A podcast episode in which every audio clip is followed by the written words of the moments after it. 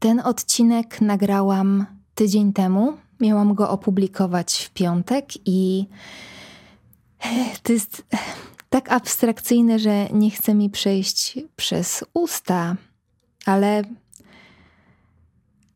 o, przyszła wojna. Wojna zaraz obok nas w Ukrainie. Mm.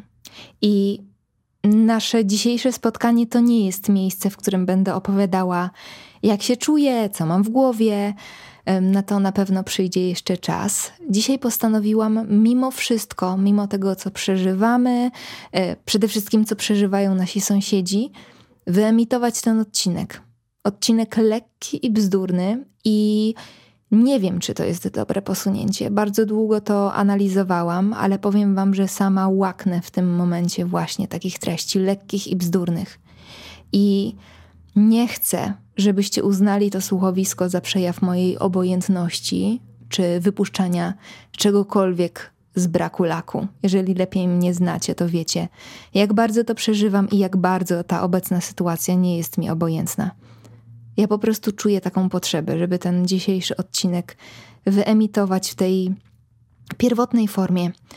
Jeżeli uważacie to moje posunięcie za nieodpowiednie, to właśnie teraz jest najlepszy moment, żeby przełączyć tę treść na coś dla Was odpowiedniejszego.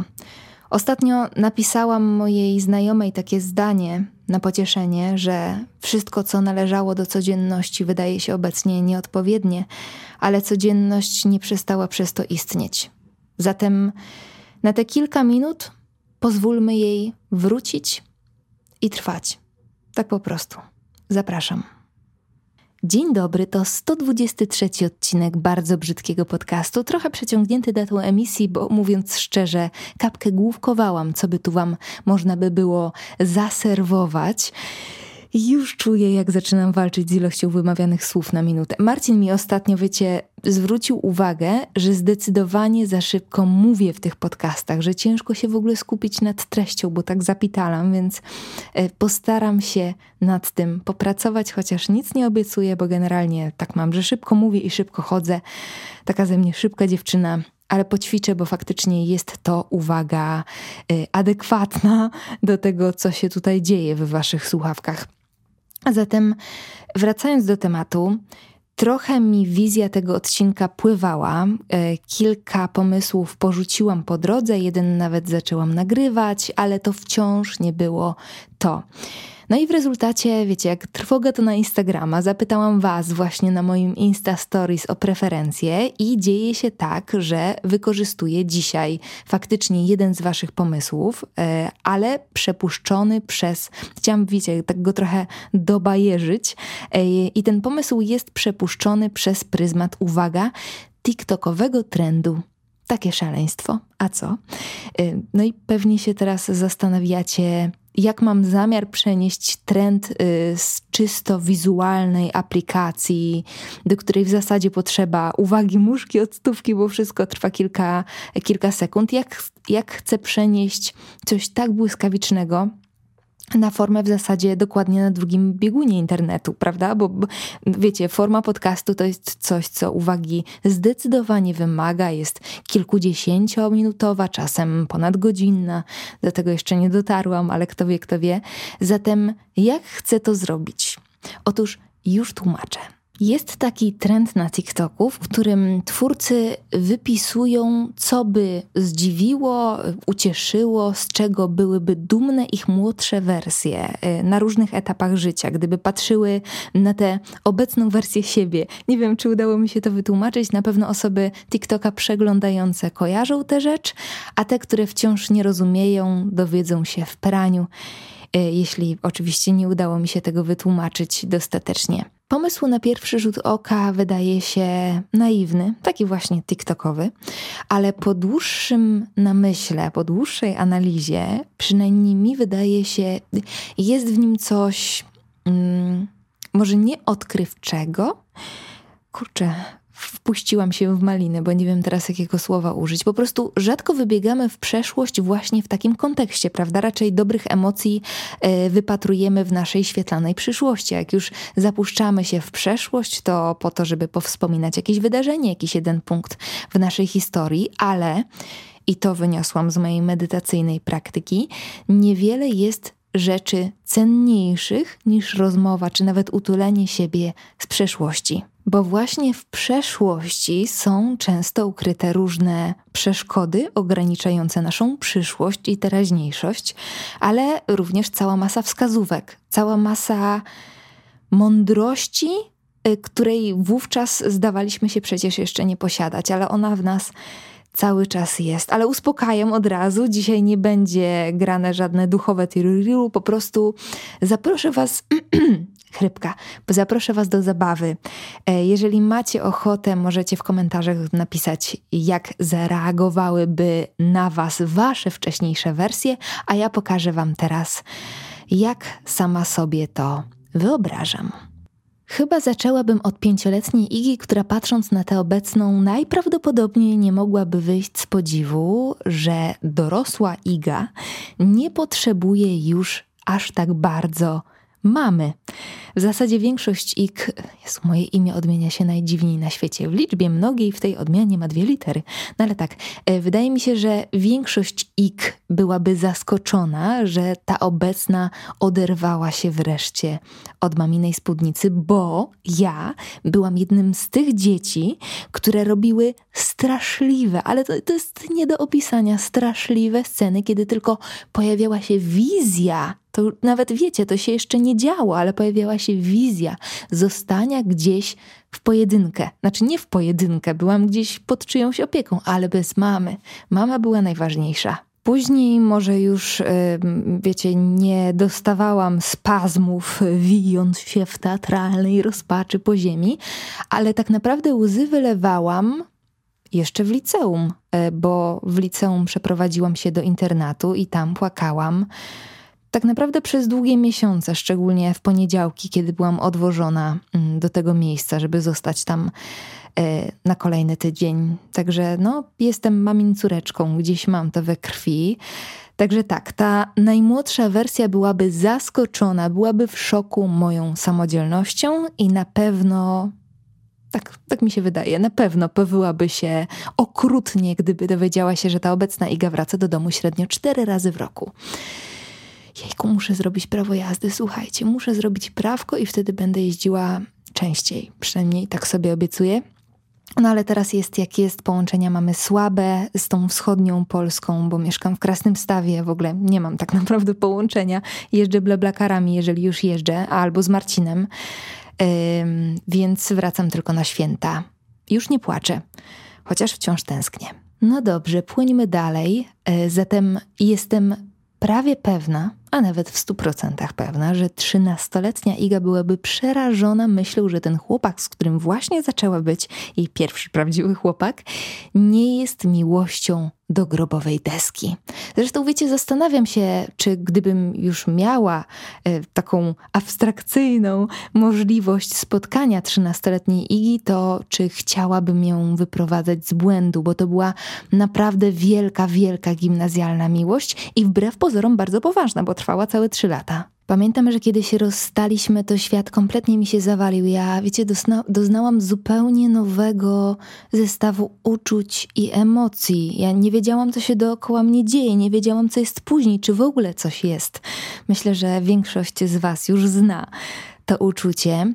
Ale tamta trzynastoletnia Iga, która dopiero uczyła się tak naprawdę, czym jest związek, czym jest miłość, zakładam, że puściłaby mimo uszu fakt, że to nie jest na zawsze, bo ja byłam święcie przekonana, naprawdę byłam i nasze rodziny w ogóle były święcie przekonane, że to już jest, wiecie, tak, tak, jak mówiłam, do grobowej deski. Słuchajcie, ja miałam cały plan, ja miałam cały misterny plan. On miał pójść na studia do Lublina, bo między nami były dwa lata różnicy, czyli tam, gdzie ja chodziłam do liceum, miałam się do niego wprowadzić. No i, no i co, no i mieliśmy żyć długo i szczęśliwie. Pamiętam, jak przechadzałam się lubelskimi osiedlami, wpatrywałam się w okna i wyobrażałam sobie, że w którymś z tych świecących okien jesteśmy my. No i nic takiego się nie wydarzyło. I wiecie co? Dobrze. Dobrze się stało. Pamiętajcie, pamiętajcie o tym. Jeżeli teraz cierpicie po rozstaniu, a zakładam, że jest przynajmniej jedna taka osoba, że jakkolwiek ta myśl zdaje się wam abstrakcyjna na chwilę obecną, jakkolwiek w tym momencie zapadacie się w swoim cierpieniu, świat rozpadł wam się na cząsteczki elementarne, to jeszcze będzie pięknie. Naprawdę, będzie pięknie, będzie wspaniale, ja wam to obiecuję, z ręką na sercu. Dajcie sobie po prostu czas. Szesnastoletnia ja złapałaby się za głowę, gdyby dowiedziała się, jak potoczy się jej życie, że tak to nazwę, zawodowe. Bo kiedy miałam te 16 lat i szłam do liceum plastycznego, to słuchajcie, ja byłam pewna, że doskonale, doskonale wiem, czego chcę od życia. W ogóle, wiecie, sama decyzja o wyborze szkoły poza miejscem zamieszkania, zupełna zmiana życia pozwala przypuszczać, że miałam plan. I ja naprawdę go miałam. Gdybym tej szesnastoletniej Idze, która chciała iść na malarstwo, z którym teraz notabene nie ma nic wspólnego, powiedziała y, słuchaj maleńka, zmieni ci się jeszcze dziesięć razy, a w ostatniej klasie zapragniesz pójść na aktorstwa, na które się nie dostaniesz, ale będziesz próbować bezskutecznie trzy lata, po których pójdziesz na studia, z którymi teraz nie masz nic wspólnego, ale wiesz, co będzie dobrze, to... to nie wiem, co bym zrobiła. pewnie bym tę obecną wersję wyśmiała, albo bym się rozpłakała, albo dała tej obecnej wersji po gębie, ale morał tego akapitu jest taki, że nic nie jest na bank, a nam pozostaje tylko wierzyć, że koniec końców będzie lepiej niż to sobie zaplanowaliśmy. Bardzo Wam tego życzę. Siedemnastoletnia Iga byłaby dumna, że udało mi się zaakceptować swoje ciało. Pamiętam to zdanie mojej mamy, które wypowiadała, kiedy wypłakiwałam gorzkie żale, stojąc przed jej lustrem w sypialni. Mama miała, dalej ma e, w sypialni takie wysokie lustro całopostaciowe. Ja potrafiłam stać przed nim i płakać, i mama wtedy mówiła: Teraz jesteś najpiękniejsza, albo piękniejsza już nie będziesz. I tak naprawdę te słowa tylko potęgowały moje rozżalenie, no bo kurde, no, skoro to jest mój szczyt formy, no to chce zapaść się pod ziemię i spędzić tam resztę życia, jak na drzewnicę przystało, no bo, no bo jak można jak, jak taki pasztet w ogóle może chodzić po ziemi? Jak taki pasztet może spotkać miłość swojego życia? Jak taki pasztet może robić karierę?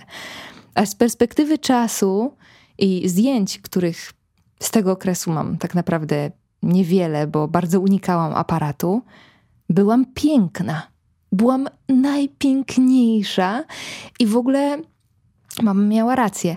I w ogóle wydaje mi się to, to zjawisko bardzo, bardzo przewrotne, że często kiedy jesteśmy w tej swojej szczytowej formie, fizycznej szczytowej formie, to kompletnie tego nie dostrzegamy, a uśmiechamy się do siebie dopiero w momencie, kiedy na twarzy pojawiają się zmarszczki, kiedy pojawiają się siwe włosy, mm, czasem nawet później. Dopiero wtedy zaczynamy siebie akceptować. Straszliwie to jest intrygujące, ale prawdą jest, że dopiero przekraczając granicę trzydziestki, tej magicznej trzydziestki, której wielu z Was na pewno się boi, przestałam się ze sobą prawie zupełnie, bo mówię prawie, bo oczywiście zdarzają mi się momenty słabości, szczególnie przed okresem. Czasami nie mogę na siebie patrzeć, ale prawie zupełnie przestałam się ze sobą boksować, z własnym odbiciem w lustrze. Przestałam uzależniać to, jak wyglądam od poczucia szczęścia. Polubiłam tę moją gębę, polubiłam to moje ciało i uwierzyłam, a w zasadzie odkryłam, że żeby poczuć się atrakcyjną albo seksowną, jakkolwiek dziwnie mi z tym słowem, wcale nie muszę posiadać tych określonych cech wyglądu, za którymi tęskniłam przez większość życia. Przez większość życia wydawało mi się, że czegoś cały czas mi brakuje, żeby w ogóle nazywać się atrakcyjną. To jest nieprawda bzdura. No i wreszcie uświadomiłam sobie, że wcale nie muszę podobać się wszystkim. Ważne, żebym podobała się sobie. Brzmi jak wyświechtany frazes, wiem, ale tak jest w istocie. Idźmy dalej. Dziewiętnastoletnia Iga byłaby załamana tym, że przygoda z teatrem nigdy nie dojdzie do skutku i pewnie zupełnie nie chciałaby słuchać, że ta zabawa z aktorstwem wcale nie skończy się po ostatnim oblanym egzaminie do szkoły teatralnej.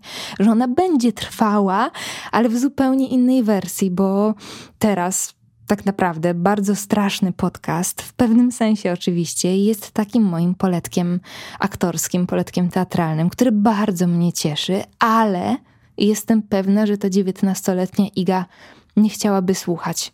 Byłaby przerażona.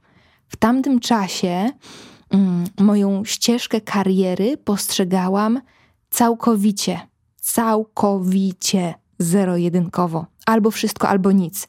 I jakkolwiek wam tu opowiadam o dążeniu do własnych celów, o uporze, o umiejętności snucia marzeń, tak wciąż uważam z perspektywy czasu, z perspektywy tej 32-letniej Igi, że warto być w tych planach nieco bardziej elastycznym niż ta 19-letnia ja.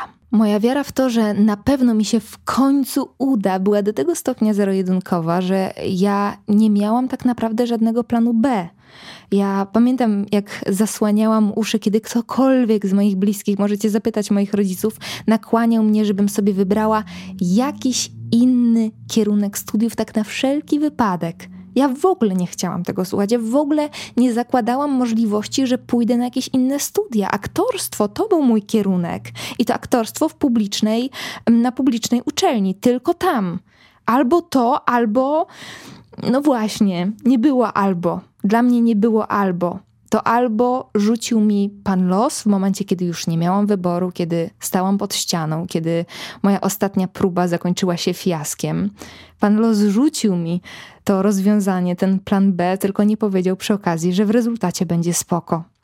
Naprawdę chciałabym to wiedzieć po tym ostatnim egzaminie, w momencie, kiedy mi się świat rozpadł i wydawało mi się, że, że już nie ma nic. Nic, po prostu nic. A okazało się, że dalej trzeba żyć i, i koniec końców jest dobrze. 21-letnia Iga. Do tej panny nie dochodziło nic, więc też nie liczyłabym na to, że, y, że spotkałabym się ze zrozumieniem, gdybym ja, jakiś trzydziestoparoletni dinozaur z odległej przyszłości, tłumaczył jej, że ciągła impreza, używki na potęgę, przelotne znajomości wcale, a to wcale nie sprawiają, że jestem fajna.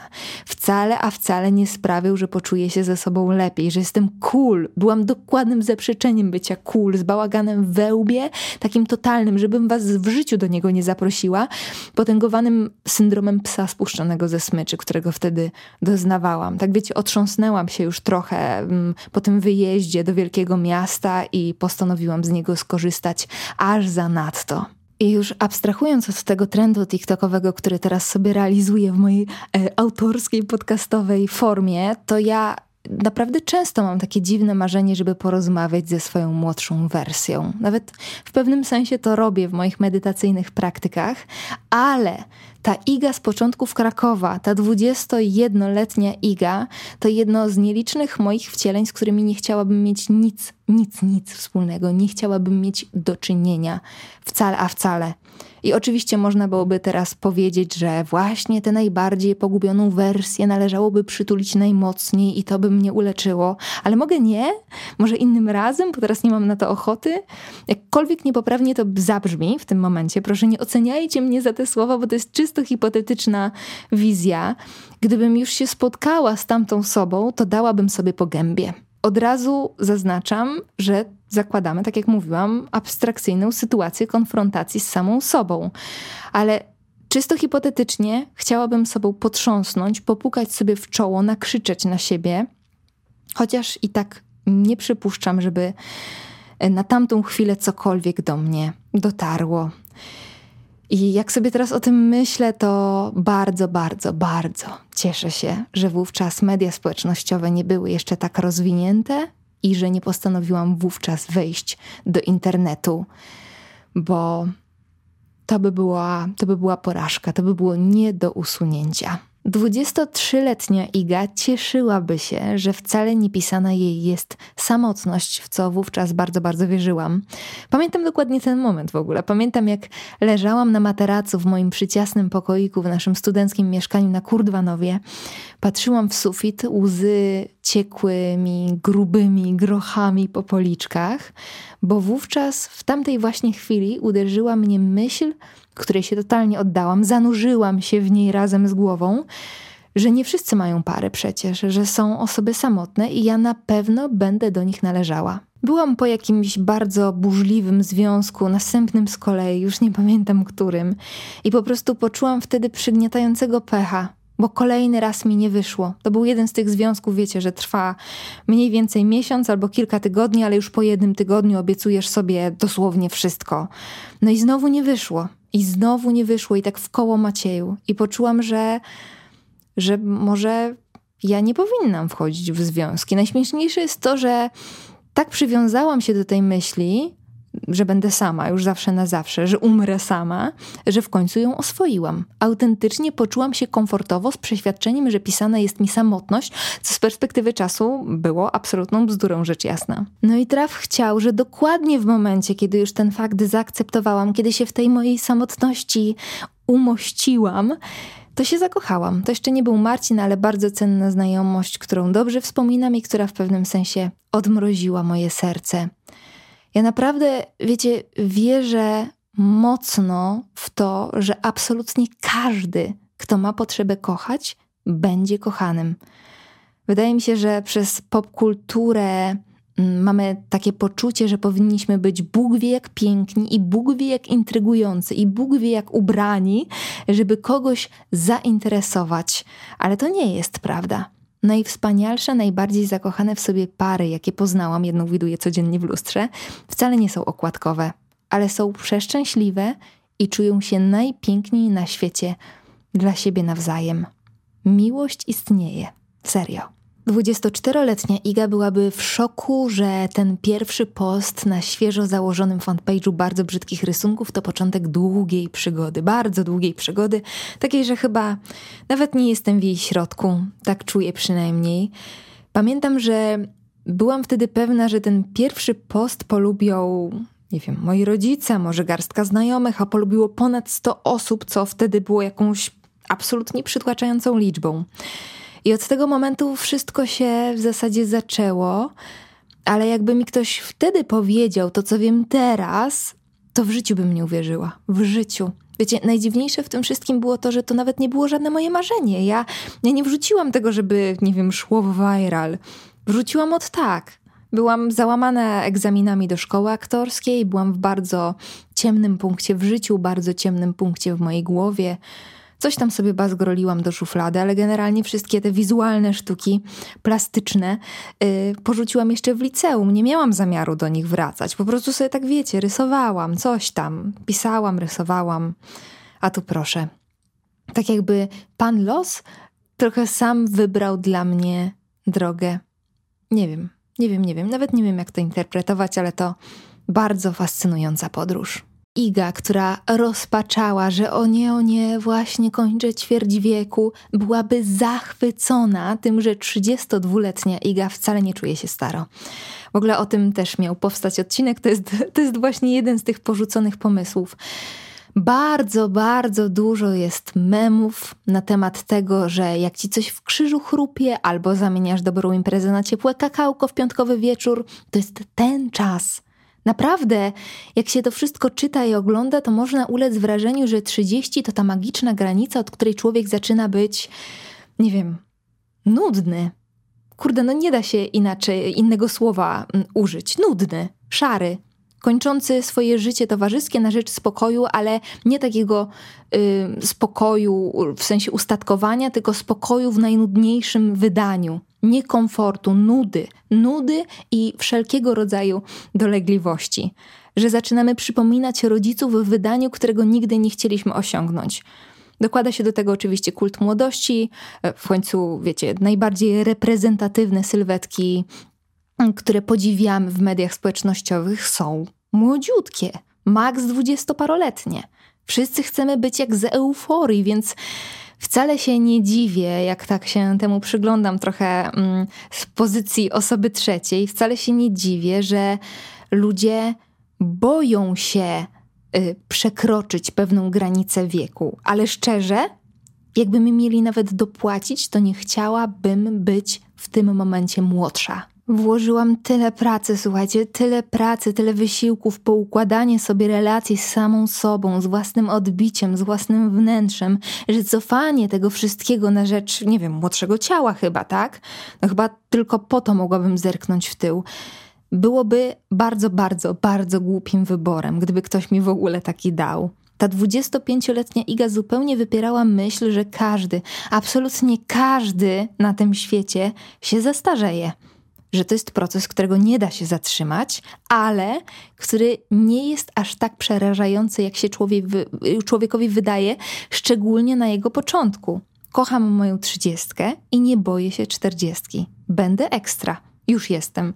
I ty też, droga słuchaczko, i ty też, drogi słuchaczu niezależnie od wieku. 26-letnia Iga wyśmiałaby mnie, gdybym jej powiedziała, że ten koleś, który zaczął do niej właśnie pisać na Snapchacie, to jej przyszły mąż. Nic na to nie wskazywało, słuchajcie, absolutnie nic. Marcin był jednym z moich widzów na Snapchacie, czasem gdzieś tam coś tam do mnie napisał, ja czasem zajrzałam do niego, bo tworzył bardzo śmieszne y, treści na swoim Snapchatowym koncie, takie trochę ze studenckiego, męskiego życia, strasznie mnie to bawiło. I tyle. I nawet jak rozstałam się z poprzednim chłopakiem, a Marcin już próbował mnie gdzieś tam uchodzić na tak zwaną smutną sarenkę, nie wiem, czy to jest e, określenie, które stworzyłam sobie ja, czy gdzieś usłyszałam, ale chodzi, wiecie, o takie e, podrywanie na pocieszanie, tak? E, ocierał łzy wiadomościami na Messengerze albo rozmawiał gdzieś tam ze mną na Skype'ie, to nawet wtedy nie myślałam, że to będzie na poważnie nawet jeżeli myślałam, że można byłoby coś spróbować, bo widziałam, dostrzegałam i czułam, że mamy się ku sobie, mm, nawet jeśli myślałam, że można byłoby coś spróbować, no to chodziło mi wyłącznie o spróbować, tak? A nie zawierać związek na długie lata. I uwaga, teraz rzucę super łzawą frazę, bo nie wiązałam z tym człowiekiem żadnych planów, żadnych, dopóki nie przytulił mnie pierwszy raz na powitanie tak fizycznie, bo bardzo długo utrzymywaliśmy kontakt wyłącznie przez internet. I kiedy mnie przytulił po raz pierwszy, to ja wtedy wiedziałam. I, I zdaję sobie sprawę z tego, jak łzawo i idiotycznie to brzmi. E, bo jak można wiedzieć, tak? Ale ja wiedziałam. No, no, no i tak to.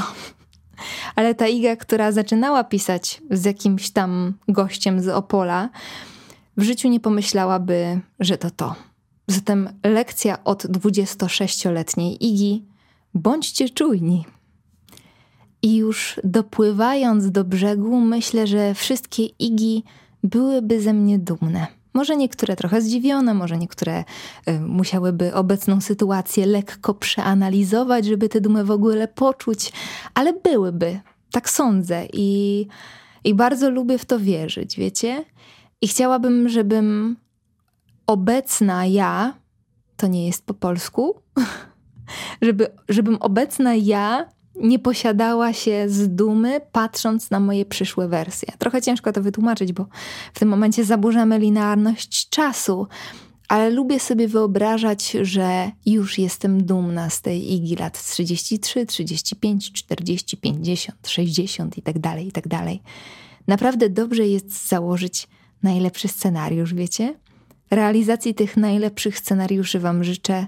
Mam nadzieję, że dzisiejszy odcinek przypadł Wam do gustu, a ja znikam. Do usłyszenia. Całuję. Cześć.